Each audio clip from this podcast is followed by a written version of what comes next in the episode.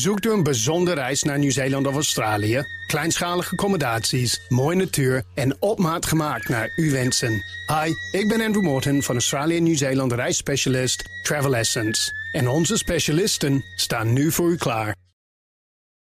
BNR Bouwmeesters wordt mede mogelijk gemaakt door Bouwend Nederland. De bouw maakt het. BNR Nieuwsradio. BNR Bouwmeesters. Jan Postma. Stations, tunnels, bruggen. In 2016 werden een paar grote bouwprojecten afgerond. De drie opvallendste hoor je zo. En wat staat er voor 2017 op het programma? Welkom bij BNR Bouwmeesters. Voor de bedenkers, bouwers en bewoners. Te gast Boudewijn Warbroek, hoofdredacteur van Cobouw. En Frank de Groot, hoofdredacteur van Bouw Totaal. Welkom allebei. Dankjewel. En we gaan, dus, uh, we gaan het dus eventjes over het uh, afgelopen jaar en het komende jaar hebben. Wat was nou het uh, ultieme hoogtepunt in de bouw uh, voor jou, Boudewijn? Nou, hoogtepunt, die zeg ik wel over een van de opvallendste dingen die ik vond over het afgelopen jaar. Uh, we hebben voor Kobo uh, hebben een jaarboek gemaakt voor alle abonnees. Um, en dus ik ben eigenlijk onlangs nog heel intensief bezig geweest met het afgelopen jaar. Een van die dingen wat me het meest daarbij is opgevallen was geen vrolijk nieuwsfeit, maar dat was toch het feit dat er zoveel ongelukken zijn gebeurd afgelopen jaar. En dat is echt een trendbreuk met voorgaande jaren geweest. er is eigenlijk altijd door de jaren heen hebben we een dalende lijn gezien. En in 2016 is die echt gepiekt. En met tientallen procenten hoger dan, dan voor voorgaande jaren. Dan hebben we het echt over ongevallen met uh, uh, ernstige aflopen. Dus uh, zwaar gewonden en, en dodelijke afloop. En dat vond ik, vond ik in ieder geval het meest opvallende nieuwsfeit van, van het afgelopen jaar. Ja, geen goed nieuws dus. Even nee, heel kort, wat, wat moet er dan gebeuren? Wat is de oorzaak? Ja, dat is natuurlijk heel moeilijk. Hè. Wat zijn de oorzaken? Deskundigen die erover aan het woord zijn gekomen... die verwijzen onder andere ook al naar de verschillende nationaliteiten... die tegenwoordig op bouwplaatsen natuurlijk aan de orde zijn. Hè. Je ziet veel, nou, bijvoorbeeld hè, Polen, Bulgaren, Roemenen op, op bouwplaatsen. Dus in de communicatie gaat dat nog wel eens mis. Mm -hmm. er wordt vanuit werkgevers en ook brancheorganisaties toch wel nodig aan gedaan natuurlijk aan die veiligheid. Ook voortdurend. Het is op een ook moeilijk om uh, zeg maar die veiligheid uh, te blijven verbeteren. Uh, ook dat is zeg maar weer wat deskundigen ja. erover zeggen. In ieder geval een aandachtspunt voor 2007. Ja, absoluut. en misschien dat het ook wel zo is. Het is natuurlijk echt een, een zeg maar mannenwereld. Dus misschien het macho gedrag op de bouwplaats ook nog wel eens een rol speelt. Hè, van, ja. Ja, Frank de Groot, ook wat is het bouwhoogtepunt van het nou? Laat ik daar dan in ieder geval ook wat positiefs ja, aan toevoegen. Alhoewel ik de, de stelling van Boudewijn volledig ondersteun. ook hierbij noem ik niet echt één onderwerp, of althans één project. Maar wat mij opvalt is de grote opkomst van het industrieel bouwen uh, in de bouw. En uh, vooral na de crisis zie je in één keer dat we hebben geleerd om uh, heel veel te prefabriceren, complete concepten te ontwikkelen. En dat ook diverse partijen die vroeger allemaal apart opereerden met schuttingjes ertussen, nu samen zijn gekropen en zeggen: joh, wij maken samen een hele woning of we maken samen een hele gevel. Nou, en dat geeft ook als resultaat dat de faalkosten enorm omlaag gaan. En ja, ik vind dat na de crisis heel hard is gegaan. En ik heb ook dit jaar dat, uh, gezien dat dat zich versterkt doorzet eigenlijk. En dat biedt eindelijk eens mogelijkheden voor de bouw om uh, die achterstand die we hebben op sommige andere industrietakken in te gaan halen. Ja, ja echt een nieuwe vorm van bouwen die dan uh, afgelopen jaren een beetje door is gebroken. Ja, dat wil zeggen dat het ook wellicht de bouw aantrekkelijker wordt voor jongeren. Want ook daar zitten we nogal met een tekort aan vakmensen. En dat gaat de komende jaren alleen maar erger worden. En dat maakt de bouw ook meer sexy voor de jongeren. Dat je uh, gewoon uh, complete geprefabriceerde elementen kunt helpen ontwikkelen. Prefab woningen. Uh, prefab woningen, ook ja. prefab gevels. Een dag, in een dagtijd een gevel vervangen. Het kan allemaal tegenwoordig. En Frank zelf nog gebouwd eigenlijk? Nog iets verbouwd? Uh, ja, ik heb uh, zelf uh, een kantoor een paar jaar geleden aan mijn woning, mijn eigen kantoor aan ja. mijn woning laten bouwen. En daarbij heb ik ook gebruik gemaakt van bijvoorbeeld veel prefab houtskeletbouw, maar ook met een minimale dikte van de totale buitengevel. En dat is tegenwoordig ook een, een uitdaging dat we eigenlijk met zo min mogelijk dikte zo'n hoog mogelijke isolatiewaarde willen bereiken. Ja. Dat is ook in de, in de renovatiesector heel interessant. En dat heb ik bij mij ook uh, gerealiseerd. Boudewijn Warbroek ook nog verbouwd zelf? Nee, zelf niet nee? verbouwd. Nee, nee dus nee, alleen nee. vooral het proces... In het verleden wel, maar afgelopen jaren niet. Nee. Het proces van buiten goed in de gaten houden. Precies, precies. Wij hebben ook nog even de drie opvallendste bouwpareltjes... volgens onze redactie uh, op een rijtje gezet. Dus de, de belangrijkste afgeronde bouwprojecten van 2016. We beginnen met Utrecht Centraal. Goedemorgen, u heeft uh, Ans Ritstra aan de lijn, directeur projecten bij ProRail. Wij hebben uh, voltooid in 2016 het Utrecht Centraal en het emplacement van Utrecht. Fantastisch was het. Nou, het is een hele mooie nieuwe stationshaal. Geschikt voor meer dan uh, zo bijna 100 miljoen reizigers per jaar. Het is licht, het is ruim, het heeft een heel mooi golvend dak. En wat ik zelf ook heel mooi vind is het licht in de hal. Dus we zijn eigenlijk apen trots op uh, dat wat we gepresteerd hebben voor Utrecht. En wat heel erg mooi is, is het dicht centraal in de stad. Dus het heeft ook heel mooie verbinding met de stad zelf. Zo'n project duurt echt even. Uh, en dat betekent ook dat mensen last hebben gehad. Maar dan heb je ook wat. Uh, mijn favoriete plek is als je boven staat. Als je gewoon over de stationshal heen kan kijken, zeg maar, en al die mensen, uh, ja, die mensenmassa, zeg maar, ziet, ja, hun weg ziet te vinden tijdens, tijdens hun reizen. En wat ik daarin ook leuk vind, is dat mensen ze dan gewoon ook die winkeltjes echt bezoeken, hè, om een boodschapjes nog te doen of nog een cadeautje te kopen. En dan vervolgens de ontmoeting die je daar echt ziet gebeuren, vind ik, mijn, vind ik echt heel favoriet om naar te kijken. Ja, uh, Frank de Groot, zes jaar heeft het geduurd. Als, als reiziger denk ik dan van, nou, dat had ook wel wat sneller gemogen. Maar ik kan me voorstellen, op zo'n drukke plek bouwen, dat is wel een bijzondere uitdaging. Ik, ik ben er afgelopen jaren vaak met, met grote verwondering, al ben ik bouwkundige doorheen gelopen, dat die bouw doorging terwijl die al die verkeersstromen doorgingen. Ja, ik geef toe, dit is wel een heel uh, bijzonder project. En met name de logistieke uitdaging die hier plaatsgevonden heeft. Ja, dat is toch wel een van de pareltjes uh, van uh, de opgeleverde projecten in 2016. Ja, en Boudewijn Barbroek, horen ook het licht belangrijk in het ontwerp. Uh, is dit nou ook een ontwerp waar we een beetje trots op mogen zijn? Nou, zeker. Uh, ik denk uh, in het algemeen. Hè, dus, dus, je kijkt naar die hele operatie met die stations waar, die, uh, waar de NS mee bezig is. En waar, we hebben ook Rotterdam Centraal natuurlijk ja, niet zo lang geleden. Ook een pareltje. Utrecht.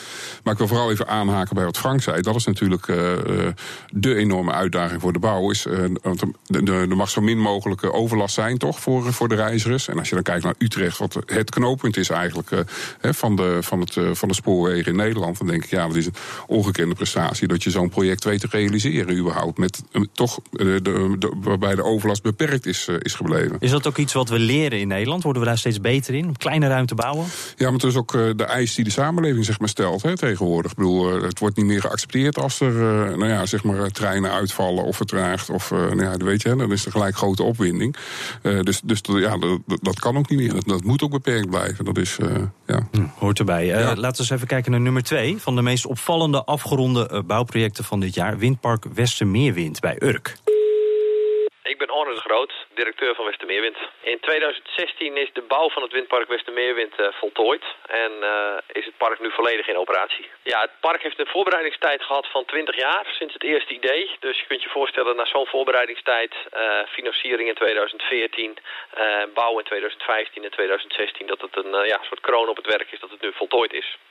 Het enige waar we nu op wachten is een beetje meer wind als we afgelopen half jaar hebben gehad. Het uniek aan dit project is dat uiteindelijk de gemeente in de Noordoostpolder uh, in de gemeenteraad unaniem voor dit windproject gestemd heeft. Nou, dat zie je soms anders in, uh, in projecten. Uh, er is ook de nodige discussie over geweest, met name vanuit Urk. Maar we hebben ook gezien afgelopen jaar dat er een record aantal bezoekers in de haven van Urk was, waar de bouwwerkzaamheden plaatsvonden. En dat men van, ook op Urk, Noordoostpolder en Lemmer ook zeker geprofiteerd heeft van, van de bouwactiviteiten. en dat komend jaar ook iedereen kan participeren in het windpark. Er is altijd ruimte voor verbetering, maar we kijken er zeker niet ontevreden op terug. Boudewijn Warbroek, uh, je liet net ook een plaatje zien uit het, uh, uit het jaarboek van Cobouw uh, van dit project. Enorme windmolens voor de kust van Urk, net even een stukje verder dan Urk. heeft heel veel voeten in de aarde gehad, is nu dan toch, toch gelukt. Verwacht je dat er ook meer windparken gaan komen dit jaar, dat bouwers daar meer op in moeten gaan zetten? Ja, zeker. Je ziet natuurlijk met name nu de grote projecten, de windparken op zee. Er zijn er twee nu van aanbesteed en er zitten er nog meer aan te komen, ook komend jaar. Um, we hebben wel gezien, Frank en ik hadden het er voor de uitzending er even over dat, je, dat we in ieder geval een prijsdoorbraak hebben gezien daar. Hè, dat, het, dat er steeds goedkoper op kan worden ingeschreven. Maar dat is absoluut, ja, dat is een markt. Het, het is voor een deel echt wel een mondiale markt natuurlijk. Waar alleen grote spelers, uh, zeg maar, uh, uh, ja, een partijtje mee kunnen blazen. Ja, Frank de Groot, dat partijtje meeblazen, mooie, mooie woordkeuze. Kunnen we dat ook in Nederland? Zijn we daar goed in?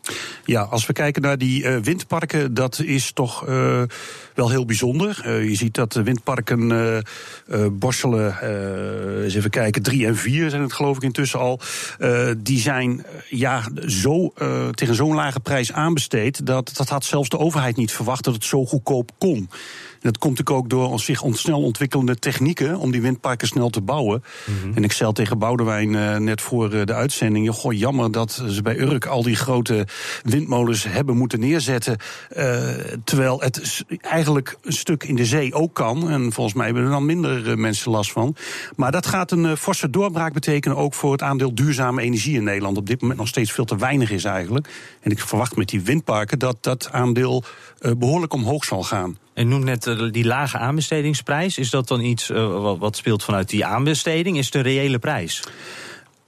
Dat zal de aannemer straks moeten gaan bewijzen. het is een, het is een consortium waar ook Shell in zit. Uh, die hebben het uh, nu ook een, een, groot deel van het windpark Borselen aangenomen. En die hebben zo'n scherpe prijs neergelegd. Ja, kijk, dan neem ik ook aan dat ze het ervoor kunnen maken. Ze zeggen dat ze bepaalde methodiek hebben ontwikkeld, waardoor het nog weer goedkoper kan zal zich nog moeten, uh, moeten uitwijzen. Dus laten we eens kijken naar het derde project. Dat is het nieuwste pareltje ook. Net geopend, de A2-tunnel bij Maastricht. Je spreekt met Bart Grote en ik ben van Avenue 2. Dat bestaat uit Structon en Ballas Nedam. We hebben net voor kerst de A2-tunnel in Maastricht uh, in gebruik genomen. En dat is een hele mooie mijlpaal. Nou, daar hebben natuurlijk de mensen uh, in het land profijt van als ze naar het zuiden rijden, naar bijvoorbeeld de wintersport of naar Zuid-Frankrijk. Dan kunnen ze nu uh, in één keer door Maastricht Um, maar het is voornamelijk de, de winnaars die zijn uh, bovengronds. De mensen die hier aan het oude A2-tracé uh, wonen en, en de gewoonte hebben ook dat uh, het verkeer en het geluid uh, daarbij en de luchtuitstoot, dat dat nu drastisch is verminderd. Het verkeer uh, rijdt nu uh, heel goed door en wij gaan er eventjes tussenuit een paar weken en daarna gaan we weer verder, want de aansluitingen op de bovenste tunnel met name, die moeten we volgend half jaar nog realiseren. Ja, de eerste dubbellaagse tunnel in Nederland, 850 miljoen euro. Frank de Groot, waarom is dit eigenlijk de eerste dubbellaagse tunnel? Is dat zo moeilijk? Of? Ja, dat heeft uh, natuurlijk te maken met uh, de, de, de beschikbare ruimte, de, de, uiteraard ook de toegepaste technieken. Er zijn twee tunnels boven elkaar gestapeld. Nou, we weten allemaal dat in Nederland uh, we een aantal tunnelprojecten hebben gehad in het verleden die ja, ver na de geplande datum zijn opgeleverd door problemen met de veiligheid. Er is ook een hele strenge tunnelwet uh, in Nederland. En ja, als je dan zelfs een dubbellaagstunnel gaat maken, kun je wel voorstellen dat dat ook veel vraagt ten aanzien van de veiligheidsvoorzieningen. Er is daar echt op een hele bijzondere manier uh, is die tunnel daar uh, volgens een strak logistiek proces in moten gestort. En ja, het is op die zin wel een bijzonderheid dat het een, een dubbellaags is. Ja, Boudewijn Warbroek, gaan we dat ook meer zien, denk je? Ja, dat is de vraag. Hè. Eh, Maastricht was echt wel een specifiek, uh, specifieke omstandigheden. Dat je had dat je een, een deel van het verkeer, uh, zeg maar het lokaal wat de stad in moet, een deel van het verkeer wat doorgaand verkeer is. Dus dat is echt wel een specifieke zeg maar, problematiek waar deze oplossing uh, geschikt voor was. Of die ook in, ja, in andere situaties, dat zal er moeten blijken in de toekomst. Mm -hmm. wat ik het mooie van dit project wel vind, dat het echt een, een project is van wat je met enige afstand kijkt. Als je bijvoorbeeld kijkt naar het vorige project wat we over hadden, Urk. En dan kun je zeggen, ja, dan zou je kunnen zeggen, er zijn misschien ook wel verliezers. Hè. Als je daar in Urk mhm. woont, heb je enorm, is er blij enorme mee. Niet, maar met dit project is denk ik zowel voor de bewoners van de stad, waar de leefbaarheid enorm is verbeterd, als, als de weggebruiker, die straks gewoon veel beter zijn weg van A naar B kan vinden zonder, zonder files of in ieder geval met minder files, dan zijn het denk ik alleen maar winnaars. Dus dat is een, uh, ja, eigenlijk een prachtig project. Uh. Ja. Nou, na 15 maart hebben we een andere Tweede Kamer en misschien wel een nieuwe premier. Wat voor effect heeft dat op de bouwplannen? BNR Nieuwsradio. BNR Bouwmeesters. Ja, je kent het wel. Je hebt een prachtig nieuw huis en dan blijkt er na de oplevering toch nog iets mis te zijn. En je had nog wel zo opgelet. Wie is daar nou straks verantwoordelijk voor? Dat wordt geregeld in de nieuwe wet kwaliteitsborging. En hierover praat ik verder met mijn gasten Boudewijn Warbroek, hoofdredacteur van Cobouw... en Frank de Groot, hoofdredacteur van Bouw Totaal. Uh, Boudewijn, om even met jou te beginnen. Een belangrijke verandering dus, die nieuwe wet, kwaliteitsborging. Uh, maar wat verandert er nou precies? Ja, de belangrijkste verandering is eigenlijk dat de markt verantwoordelijk wordt voor het, zeg maar, het toezicht. Dus zelfs een toezicht moet gaan organiseren, wat het nu nog vanuit gemeenten gebeurt. Hè, afdelingen bouw- en woningtoezicht. Dat is eigenlijk de voornaamste. Uh, dus de gemeente wordt een beetje wegbezuinigd en dan moeten de bouwbedrijven zelf gaan bepalen. Die moeten dat zelf gaan bepalen. Hè, dus de markt moet dat gaan, gaan organiseren.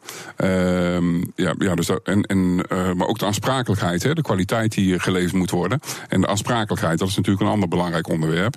En ja, hoe het dan precies gaat uitpakken. Ik denk dat dat in de, in de markt in ieder geval bij veel partijen is dat nog niet helemaal bekend. Dus er, wordt nog een beetje afgewacht in de, in de bouwsector? Ja, er wordt nog een beetje afgewacht. Er zijn natuurlijk pilots geweest, een aantal uh, her en der in het land. Uh, de resultaten daarvan die hebben ook publicitair nogal wat uh, nodige stof doen opwaaien. Eh, er was in Den Haag bijvoorbeeld een test afgelopen zomer. Tenminste, in de zomer kwam die naar buiten via, via ook. Waar heel veel gedoe over ontstond, omdat was gebleken dat de overheid, tenminste de gemeente in dit geval, verschillende keren had moeten ingrijpen. Dus zelfs dat er instortingsgevaar dreigde, dat zelfs funderingen niet goed waren gelegd. Ja, kortom, dat had nogal, ja. er was nogal wat een en ander misgegaan. Dan kan je afvragen of de bouw dat dan wel zelf moet controleren. Ja, dat kan je afvragen. aan de andere kant, ja, is een hele lastige discussie. Ik ben ook wel benieuwd hoe die gaat uitpakken, omdat um, als je kijkt naar de zeg maar, belangen die erachter zitten, hè, als je ook kijkt vanuit, vanuit de lobby, uh, uh, die verenigingen bouwen, of de, de bouw- en woningtoezichtambtenaren vanuit gemeenten, die, uh, ja, die inderdaad zeg maar de facto overbodig gaan worden. Um, daar wordt vanuit de VNG natuurlijk, Vereniging Nederlandse Gemeenten, ook wel een actieve lobby gevoerd op dit dossier. En daar zijn toch, Kamerleden zijn er ook nog wel vaak gevoelig voor. Hè, want die, dus er zou nog wel wat kunnen veranderen. Er zou nog best eens iets kunnen veranderen. er staat nu voor januari weer een debat op de rol. Maar goed, ja, gaat hem dat worden? Gaan dat niet worden? Hm. Dat, uh, dat is nog de vraag natuurlijk. Het is aan de ene kant ook weer een onderwerp, gek genoeg, wat politiek niet heel erg zeg maar, sexy is. Hè, want er was een eerder dit jaar, en dat was eigenlijk uitermate stuitend. toen was er een hoorzitting met, waarbij allerlei deskundigen waren op uitnodiging van de Kamer waren. En, en, eigenlijk een volle publieke tribune. En er waren wel geteld twee partijen aanwezig. En dat waren de regeringsfracties. Dus Den Haag heeft er niet zoveel interesse in als nee, ik zo nee, die oppositie was er niet. En, nee. Ik geloof het VVD-Kamerlid Van der Linden noemde dat schaamteloos. En ja, dat moet ik eigenlijk wel met hem eens zijn. Het was eigenlijk geen vertoning. Ja, Frank de Groot, hoe kan dat nou? Dat, dat, er komt een nieuwe wet aan en blijkbaar in Den Haag hebben ze er niet zoveel interesse in. Nee, ik denk dat de, de, de kennis. Het is best een complex, uh, een complexe wet. Althans, het is best complexe gevolgen. Ik wil trouwens wel opmerken dat uh, niet zo is dat uh, ambtenaren worden wegbezuinigd. je ziet dat hun taken gaan verschuiven. Straks is het zo dat bij de, als de wet in werking gaat treden, waarschijnlijk per 1 januari 2018, nou, dan hoef je voor eenvoudige projecten, dus woningen, kleine kantoorgebouwen, vraag jij niet meer de vergunning aan bij de gemeente vooraf met jouw getekende ontwerp. Nee, dan komt er inderdaad een private partij uit de markt en die gaat controleren en die zegt bij oplevering: ik denk dat dit aan de bouwregelgeving voldoet. Mhm. En dan is het aan de gemeente dus om dat te accepteren. He, is dat inderdaad een erkende kwaliteitsborger geweest? Heeft hij goede instrumenten gebruikt? En dan wordt de vergunning verleend. Maar de gemeente krijgt daarnaast uh, ook nog steeds uh, hebben zij de verantwoordelijkheid over de omgevingsveiligheid die ze moeten controleren. Ze zijn nog steeds belangrijk voor de handhaving van de bestaande bouw. Mhm. En uh, in de toekomst, verre toekomst, zien we de omgevingswet aankomen. En in de omgevingswet, daar horen ook omgevingsplannen bij. Dat zijn eigenlijk de opvolgers van de huidige bestemmingsplannen. En daarin mogen gemeenten straks veel meer zelf gaan regelen. Dus we gaan gek genoeg straks weer een mm -hmm. beetje terug naar de oude situatie. Dat je decentrale regelgeving krijgt. Dus nee, het is niet zo dat uh, ambtenaren worden wegbezuinigd. Hun taak gaat duidelijk rol. veranderen. Ja, en gemeente krijgt dus ook wel. Uh, die, die rol wordt niet kleiner, alleen anders dan ook als De rol wordt anders. En daarnaast blijven ze nog steeds voorlopig verantwoordelijk voor de grotere projecten. Die mag de markt nog niet zelf doen. En laten we ook eens eventjes kijken naar die verantwoordelijkheid. Hè? Ja. de, de, aansprakelijkheid, dat werd net ja. ook al genoemd. Um, de aannemer, ja. die, die, krijgt daar een grotere rol in. Meer aansprakelijkheid, verantwoordelijkheid. Dat lijkt me wel heel lastig. Ja, het is nu zo dat wanneer een, heel raar, wanneer als opdrachtgever had kunnen zien dat het ergens iets fout was gegaan, dan ben jij gelijk al verantwoordelijk. Dat is heel raar, want in principe is de opdrachtgever een leek en hij kan ook niet 24 uur per dag bij die bouwput staan. Straks is een aannemer, volgens de nieuwe wet, aansprakelijk voor alle gebreken die optreden.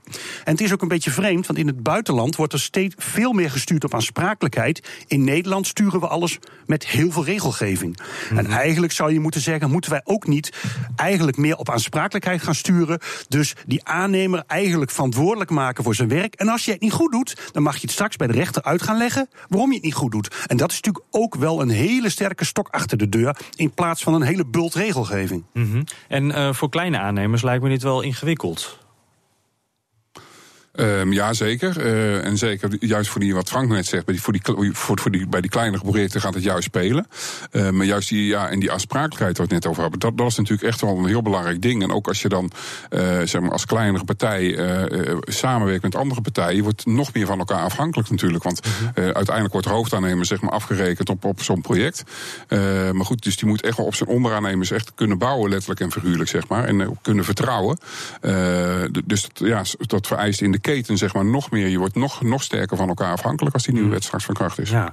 Um, Ten slotte dan, uh, laten we eens even kijken naar de verkiezingen. 15 maart natuurlijk, dit, dit wordt het jaar van de verkiezingen. Hoe belangrijk zijn die voor de bouw, eh, Frank de Groot? Nou, het wordt nog even spannend. De wet kwaliteitsborging ligt nog bij de Tweede Kamer. Daar zou eigenlijk al eh, rond deze tijd een beslissing over zijn genomen. En dan kan was nog wat veranderen, begrijp ik? Ja, maar nu uh, is dat elke keer uitgesteld door drukte in de Kamer. En ook, wat er net al was gezegd, waarschijnlijk dat men het wat minder belangrijk vindt. Uh, nu staat het op de rol voor januari. Maar ja, eind februari komen we wel in het verkiezingsreces.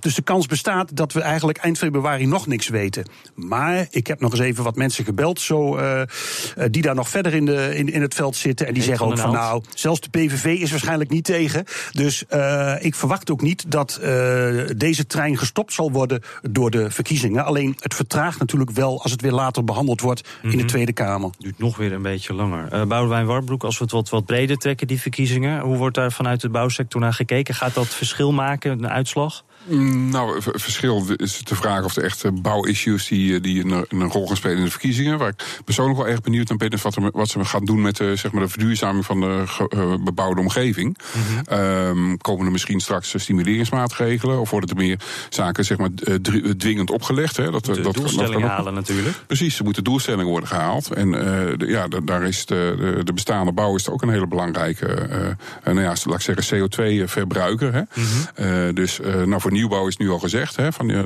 dat, uh, die gasaansluiting dat is niet meer verplicht. Maar goed, wat gaat er straks gebeuren met de bestaande bouw? Ja, Frank de Groot, is dat uh, ook het meest interessante punt voor jou? Voor ook, ook infrastructuur. We moeten natuurlijk veel bruggen nog vervangen. wonen, er moeten 1 miljoen woningen bij komen. Welke ja. is het belangrijkst? Wat is belangrijk? Nou, ik denk uh, vooral dat uh, het heel belangrijk wordt, is uh, het ook proberen uit te breiden binnen de steden. Dat wil zeggen de transformatieprojecten, het mm -hmm. ombouwen van kantoorgebouwen, het ombouwen van oude industriële gebouwen in de binnensteden. Dat zie je nu dat daar ook een, belangrijke focus op dit moment ligt. En niet meer vanzelfsprekend vol bouwen van weilanden, maar meer ook kijken naar wat hebben we eigenlijk al en kunnen we daar door middel van transformatie een nieuwe functie aan toevoegen. Dat wordt ook een duidelijke uitdaging de komende jaren. Ja, dan eh, trekken we eigenlijk toch de lijn ook een beetje door die in 2016 is ingezet, als ik dat zo hoor. Uh, dank Frank de Groot, hoofdredacteur van Bouwtotaal, en Boudewijn Warbroek, hoofdredacteur van Cobouw.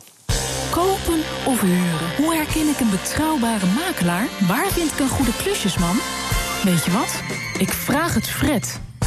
De tijd voor Vraag het Fred, de bouwvraag van de luisteraar. Met deze week de vraag van een heel gefrustreerde luisteraar. Uh, Ivan die zit al jaren in de bouwoverlast... omdat er naast hem een enorm pand wordt verbouwd. Zijn vraag, zijn er eigenlijk wettelijke eisen aan de duur van een verbouwing? Fred, vertel. Ja, hij woont eh, in de binnenstad van Haarlem en uh, zit daar natuurlijk dicht op de buren. En uh, met name zijn partner heeft hij nogal last van... die overdag probeert te slapen. Um, ik heb even de gemeente gebeld en gevraagd... wat kunnen we daaraan doen? En helaas niet zo heel Ik heb slecht nieuws. Um, er is geen wettelijke termijn aan uh, hoe lang een verbouwing mag duren. Uh, als ze een vergunning hebben, dan uh, mogen ze gewoon bouwen. Oh, dus die, die uh, vriend van Ivan die zit voorlopig nog uh, in de herrie? Ja, waarschijnlijk wel. Er is wel een regel dat als de bouw 26 weken stil ligt... dan ehm, mag de gemeente de vergunning intrekken. Maar ja, dat gebeurt natuurlijk bijna nooit. Want ja, als je dat weet, dan ga je een dag voordat de 26 weken voorbij zijn... weer beginnen en dan vervalt de regel. Het enige wat hij kan doen is aankloppen bij de gemeente... zijn klacht gewoon heel uitgebreid uitleggen en zeggen... joh, ik zit hier al twee jaar mee... en dan gaat de gemeente per geval bekijken of ze iets kunnen doen. Maar dan, ja, dan, dan kan het wel maar goed, ja, dat... Oeh, weinig hoop als weinig ik het zo hoor. Hoop, uh, Behalve natuurlijk uh, oordopjes. Dat werkt altijd. Dank je, Fred. Uh, tot zover deze uitzending van BNR Bouwmeesters. U kunt hem terugluisteren, bnr.nl slash bouwmeesters. En we zitten ook op Twitter. Dus hebt u tips voor ons of een vraag, vraag aan Fred, BNR Bouw... of mail uw suggestie naar bouwmeesters.bnr.nl. Dank voor het luisteren. BNR Bouwmeesters wordt mede mogelijk gemaakt door Bouwend Nederland. De bouw maakt Zoekt u een bijzondere reis naar Nieuw-Zeeland of Australië? Kleinschalige accommodaties, mooie natuur en op maat gemaakt naar uw wensen. Hi, ik ben Andrew Morton van Australië Nieuw-Zeeland reisspecialist Travel Essence. En onze specialisten staan nu voor u klaar.